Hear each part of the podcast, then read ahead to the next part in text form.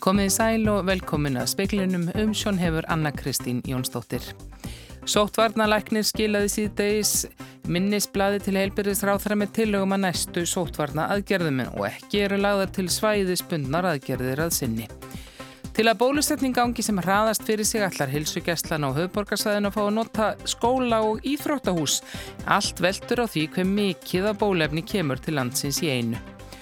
Áallega er að halli af rekstri Akureyrabæjar verður miljardur króna á næsta ári, reynd verður að milda höggið og nýta hagstæða skuldastöðu.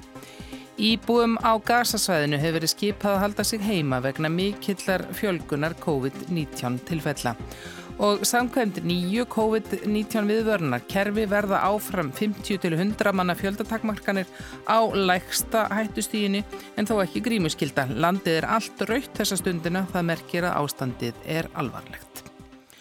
Þórólfur Guðunarsson sótvarnalegnir hefur skilað minnisblæði með tillögum að breytingum á sótvarnaðgerðum til heilbreyðisráð þeirra. Gildandi reglgerð rennur út á miðnætti á miðugudagskvöld. Fá smitt hafa greinst undanfattan daga. Í gæri voru þau sjö og allir í sótkví. Þegar rætt var við Þóról fyrir í dag var hann enn ekki búinn að leggja loka hönd á minnisblæðið og vildi ekki segja hvort hann mælti með því að slaka þeirði á aðgerðum. Nýtt litakóðakerfi býður upp á landinu sé skipt upp í ólík sótvarnasvæði með mis ströngum aðgerðum. Jú, þetta, þetta lítakóðakerfi gerir ráð fyrir að það sé hægt að, að, að gera það og, og hérna en ég er ekki, til ekki þörfu að gera það núna á þessari stundu. Þórólfur segist ekki hafa teljandi áhyggjur af því að anstaða við sóttvarna aðgerði sé að aukast hér á landi í ljósi mótmælafundar á Östurvell á lögadag og þess að tæplega þúsund manns eru nú í Facebook-hópi þar sem slíkri anstöðu líst. Nei, það er nú búið að vera svona anstaða allan tíman í raun og veru en, en hún er kannski farin að verða meira sínileg eh, þannig að ég held að þetta sjást í öllum löndum og þetta er eitthvað sem að, sem að eh, á ekkert að koma óvart í sjálfu sér en, en, en það er náttúrulega, þetta er ekki stór hópur sínist mér. Sagði Þórólfur Guðnason. Lagreglan á höfuborgarsæðinu fyldist með mótmælum gegn sóttvarna aðgerðum sem voru á Östuvelli um helgin en ákvaða stöðvaðu ekki.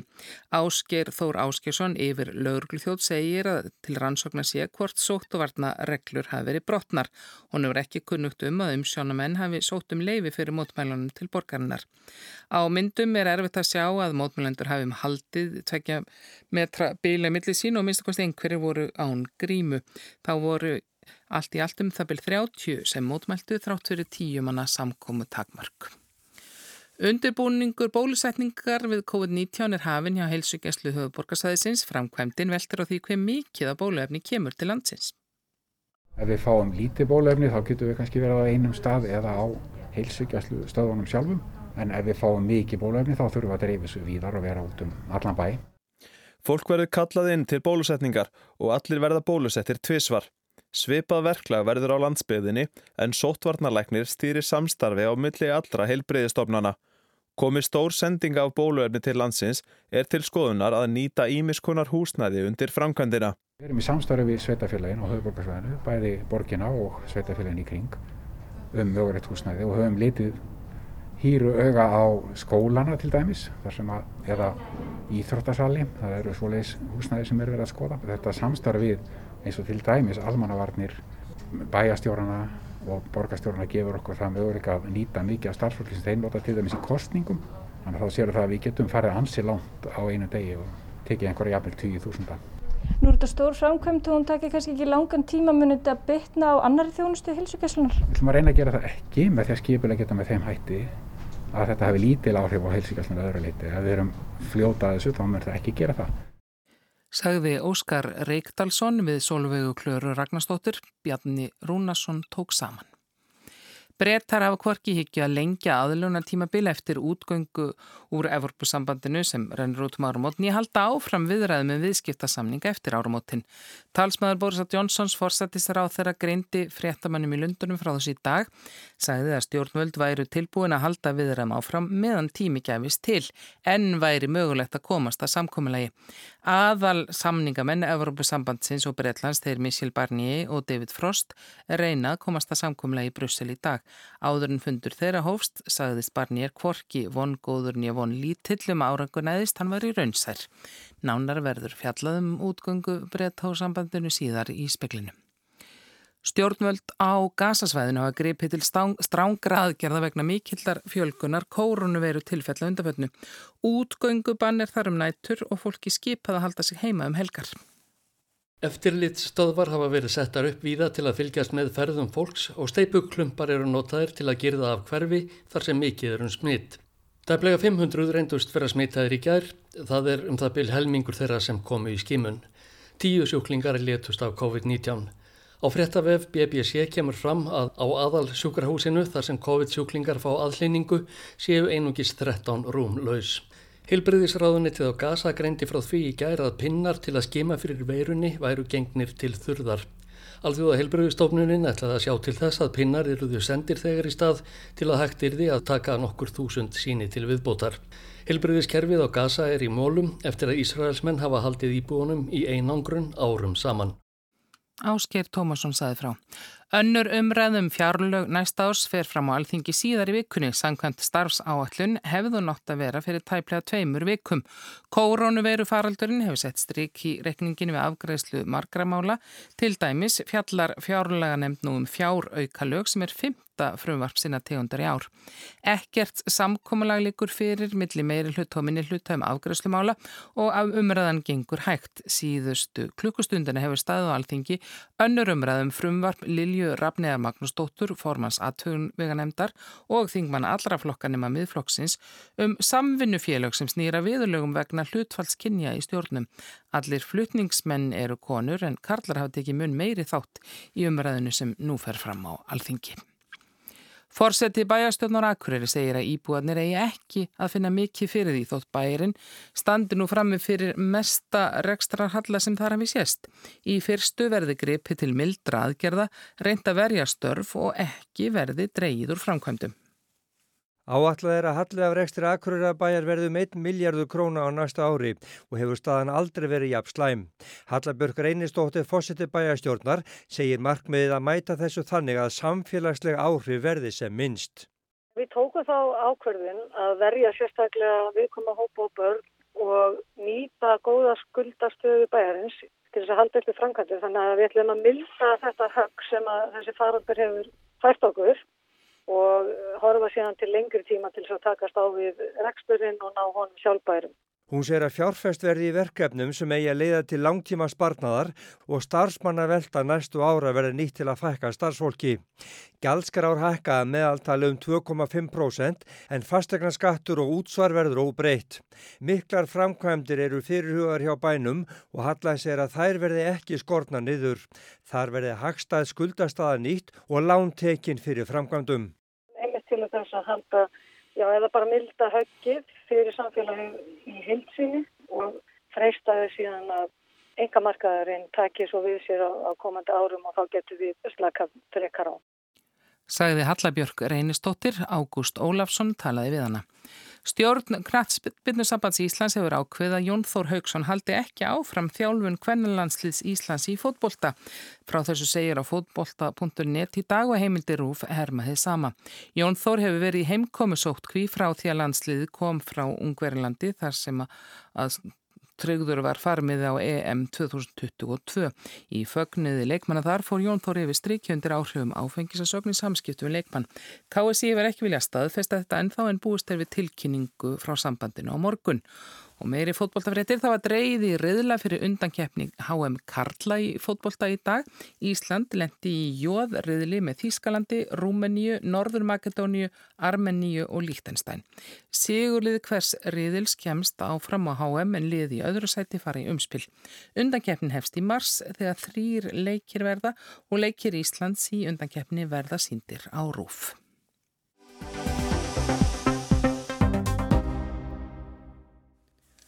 Samkvæmt nýju COVID-19 viðvörunarkerfi verða áfram 50 til 100 manna fjöldatakmarkanir á lægsta hættustígi. Ekki er þörfa að verða með grímu. Samkvæmt kerfinu er allt landið raukt þessa stundina og það þýðir alvarlegt ástand.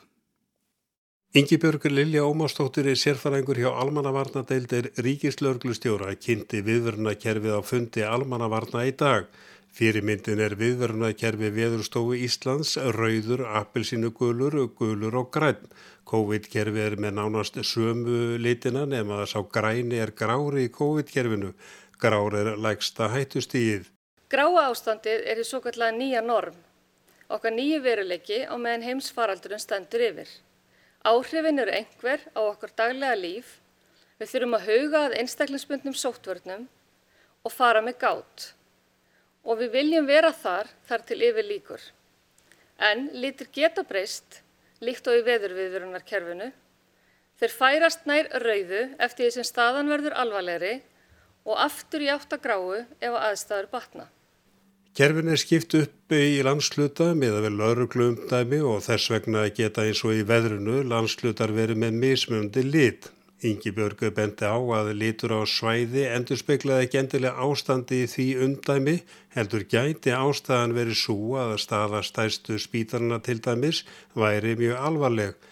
Það kom eh, fram að við erum þessa stundina nokkuð fjarrri því að vera á gráalitnum eða svo kvöldu nýja normi.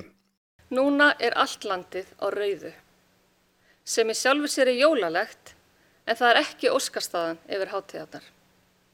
Því þurfum við að fara varlega, ákveðja hverjir eru í okkar jólakúlu og hitta aðra með öðrum samskiptaleðum.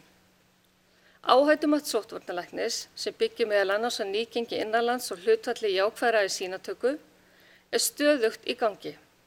Vonandi tekst okkur að bæta ástandi hratt og öruglega þannig að hægt sé að létta á sótvarnaaðgerðum. Þá breytast litir í viðkomandi landslutum og síðan er uppfærð.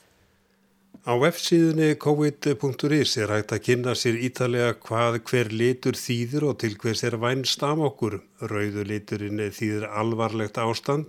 Þegar svo er ástand er tilkynntum breytingar með innan við þryggjadaga fyrirvaran. Núverandi takmarkanir gilda til miðnættis á miðugudaginn. Það er breytingar ef einhverja verðan verða vantalega tilkynntar á morgun. Í rauða ástandun er mælst til að samvera síðanar einungis með sínu nánustum, 5-10 manna fjöldatakmarkanir, 2 metra regla og grímuskildi í almenningssamgöngum og vestlunum. Það er líka nákvæmlega skýrt út hvaða takmarkanir gilda, til dæmis um sundlugar, líkanstræktastöðar, bari og veitingahús, einni um skólahald og íþrótastarf. Appelsínugulur ber yfirskriftir að aukin hætta tilkynningum að það steg síði vændum á að berast á innan við vikum. Á því stíi er melst til að samvera miðist við þá sem eru í nánum tengslum. Fjöldatakmarkanir er í sjábílnu 20 til 50, tveggja metra reglan enni í gildi. Grímurskylda miðast við almenningssamgöngur og staði þar sem tveggja metra reglunni er ekki við komið. Sundlugar eru opnar en þó aðeins með helmingja leifilum gestum og það sama gildur um líkamsræktarstöðar. Krár, barir og veitingastæðir mögulega lokaðir en hugsanlega opið til klukka 9-10 á kvöldin og gestir verða verið sætum. Opnar á að 100 manns geti mætt á listviðburði og einungis bókaði sæti og ekkert hlið. Vertu á verði er yfirskiptin þegar ástandi er gullt. Tvækja metra reglan er í gildu og fjöldatakmarkanir er miðastu 50 til 100 manns. Grímur skildi í almenningssamgöngum, fleiri komast í sundi eða 75% af leifilum gestum og sama reglan í líkamsræktastöðum. Krár, barir og veitingastæðir opnið til klukkan 10 eða 11 og sama reglan um veitingastæði með vínveitingarleifi og spilakassa og í þessu ástandi er gert ráð fyrir að 200 manns geti mætt á listu viðburði. Þegar og við komumst á gráalitin erum við alls ekki sloppin áfram meðast fjöldatakmarkanir við 50 til 100 manns, tveggja metra reglan er í gildi en ekki þarf á að bera andlitsgrímur almenn. Á þessu stígi gildi svo regla að sótvarnir sé í fyrirrúmi. Barir, krár, veitingastæður og spilasalir mega á opið til hlukan 11 á kvöldin. Að lokum vil ég undirstryka að kerfið eitt og sér kemur okkur ekki í skjól. Það veitur okkur ákveðin fyrirsjáanleika og gerur okkur vonandi betur kleift að fóta okkur í nýjum veruleika. En við verðum að halda áfram að fara varlega. Þvó og spritta hendur, passa nálaðamörkin og virða fjöldatakmörkun. Sagði Ingi Björg Lilja Ómarsdóttir, Arnar Páll Haugsson tók saman.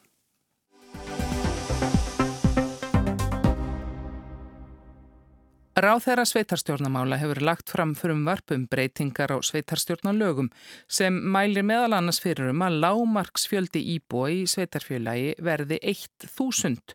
Ef íbúafjöldi næri ekki því máli þrjú ári röð skal ráð þeirra eiga frumkvæða því að samina sveitarfjölagið öðru eða öðrum nærliggjandi sveitarfjölugum. Segir í greina gerða stemt sér því að tryggja að öll sveitarfjölug geti staðið undir þeim kröfum sem lagðar hafa verið á stjórnsýslu þeirra, styrkja líðræðislegan grundvöld, draga úr því að lítil sveitarfélög framselji vald til annara eða byggðasamlaga, auka hafðkvæmni í rekstri, ebla sjálfbærtni og sjálfstjórnarétt og styrkja líðfræðilega stöðu þeirra. Segir líka að þúsund íbúa lámark sé skrefi átt að sterkari og sjálfbærari sveitarfélögum en ekki bera líta á þá tölu sem sérstakt viðmiðum heppilega lámark stærð. Verði frumvarpi samþygt hefði það þau áhrif að sveitafélagum fækkað um 14 árið 2022 og um 40 frá árun 2026. Sveitarfélag eruð þá að hámarki 30 og segir að voni standi til að þeim fækki enn frekar. Ljóst sé að áfram verði þó mörg nokkuð fámenn í þeim búi 1-2000 íbúar. Um síðustu áramót voru 72 sveitarfélag í landinu hefur reynda síðan fækkað með saminningu fjögur að sveitarfélag á Östurlandi í eitt, Múlaþing. En um miðja síðustu öld voru sveitarfélagin um 230, þeim fækkaði mjög í kringum aldamótin. Í ársbyrjun byggu þrýr fjórðu landsmanna í sveitarfélögum sem höfðu meirinn 10.000 íbúa. 63% búa reyndar í eina sveitarfélaginu sem kemst yfir 100.000 manna mark, Reykjavík. Í um 40 sveitarfélögum búa færre en 1000 íbúar og eru það samt innan við 5% þjóðarnar.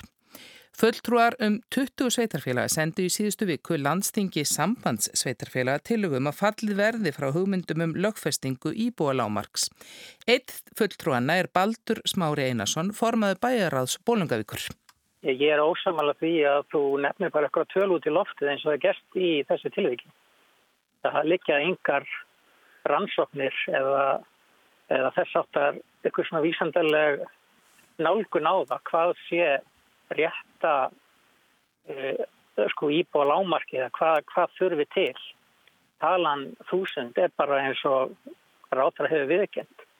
Það sé bara út í lofti. Hann hefur sagt af hverju ekki þúsund og þess, þess vegna teljum við að svo nálgun sé bara ekki skynsaleg að með verðu að leggja í rannsóknir á þennir koma fram með eitthvað ákvæmna tölu því að eins og er verið að tala um að þetta sé auk, aukinn verkefnu og aukna hvaður á sveitafélagin þá er alltaf slíklegt að þessi mörg sé umtalsverð hærði. Það sé frekar kannski næri tíðust takmarkinu heldur en þúsund. Í Bólungavík búa nú 950 manns en þar hefur fjölgað undanfærin ár.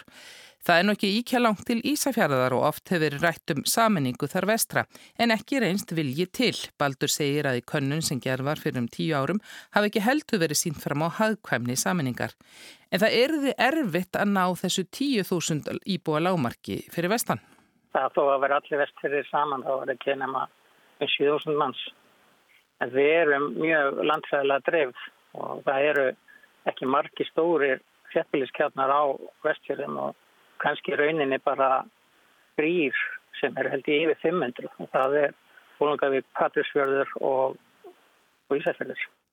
Og þegar farið var að hugsa um svo stóra heildir að horfa til fleiri þátt en fjöldan, segi Baldur, til dæmis dreifingar og vegalengda en hann vonar að þetta erindi fái góðar undirtektir á landstinginu. Sveitarstjórnar fulltrúar í stærri sveitafélaganu skilji okkar afstöðu og þetta snýst bara um það við viljum fá að ráða okkur að ráða framtíð sveitafélag okkar sjálf. Það kann vel að verða að, að mörg þessar sveitafélag eigi eftir að, að saminast öðrum en menn vilja bara fá að gera það á eigin fórsöndum. íbúinni fóði sjálfur að taka ákvörðunum að rétt eins og var að vera að gera fyrir austanum daginn í múlaþingi þar sem nokkur sveitafæla voru að saminast. Og austur í múlaþingi er Gauti Jóhannesson fórseti sveitastjónar. Í grunninn er ég þeirra skoðunar að, að saminning sveitafélagi fari best fram með því að, að vilji íbúana standi til þess. En að því sögðu að þá stutti ég þetta frumaf þegar það kom fram á sín tíma og, og geri það einn. Gauta finnst öllu skipta hvort sveitafélag standi undir nafni eða ekki. Og mín sín á þetta er svo að þegar að sveitafélag er ekki lengur fært um að veita þá grunn þjónustu sem ætla sér til aðeins og þá getur það eiginlega allar staði undir nafni sem slíkt alveg sama þó að síðan þeirri aðstöðu að geta keift þjónustuna eitthvað staðar frá. Hann segist ekki hafa neina sérstakka skoðun og því hver sé heppilegur íbúafjöldi. En mér finnst þetta í grunninn vera það sem að skiptir máli.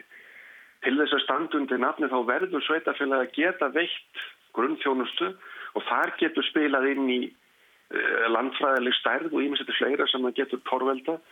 En í, í grunninn finnst mér þetta alltaf snúast um þetta. Getur þið veitt þá grunnþjónustu sem ætlast þið til og sem íbúar gera ráð fyrir og ef þú getur það ekki að eh, er þá ekki, er þá ekki mála að hugsa sér um og veltaði fyrir sér hvort að ekki færi betur á því að menn saminist þá nákvæmum fyrir. Hluti af ástandinu sem við stöndum fram með fyrir núna er náttúrulega líka til komin eins og ég segi að hluta til vegna meðvirkni starri nákvæmna við þessi öðarsveitafjölu sem hafa gert um kleft að, að hérna halda úti rekstri sem slíkum þrátt fyrir þrátt fyrir það að þurfa meir og minna að kaupa alla þjónustu af. En það sé alveg ljóst á næstu árum þá fækki sveitarfélagun? Ég held að það sé alveg, alveg gefið. Hvort heldur það verður sem hluti af þessari bylgjum sem er núna að, að þetta félag vera saminast af, af eigin vilja eða hvort að, að lagasetningin kemur til? En nú nefndir það sjálfur að þetta nú er nú úr múlaþingi sem er mjög stórt sveitarfélag, mjög, dref, mjög drefðir byggða kjarnandir í því, það er langt á milli og áhyggjurnar hafa nú lengur verið þær þeirra sem er í jæðrinum að þeirra rattir þar missi vægi. Sko það sem við gripum til í því samengi er að við erum með þetta nýja fyrirkommalegi stjórnsýsninu sem eru heimastjórnir sem að, sem að eru skeipaðar að stærstum hluta heimafólki sem hefur töluvert með með sín heimamála að segja. Og í grunninn sögðum við líka í aðdraganda þess að múlaþing var til að fjallaðarnar væru sko að hluta til lág styrkur okkar í fjallaðan vegna þess að við höfum dæmi þess að þessar svo kvölduðu jæðarbyggðir í jæðri stærri fjölkjarnar sveitafjöla þær hafa setið svolítið, svolítið hjá. Og við höfum verið að horfa til þess að þetta gerist ekki með heimastjórnunum og fjallaðar að gera það líka að verkum hjá okkur að mikið af þeirri þjónustu sem eitthvað hefur verið lagt nýður annar stað, til dæmis skólum hefur verið lokað og hitt og þetta, það, það er bara ekkert í bóði hvað okkur áhræður vegna þess að fjallaðarnir eru það miklar. Sagði Gauti Jóhannesson og líka var rætt við Baldur Smára Einarsson.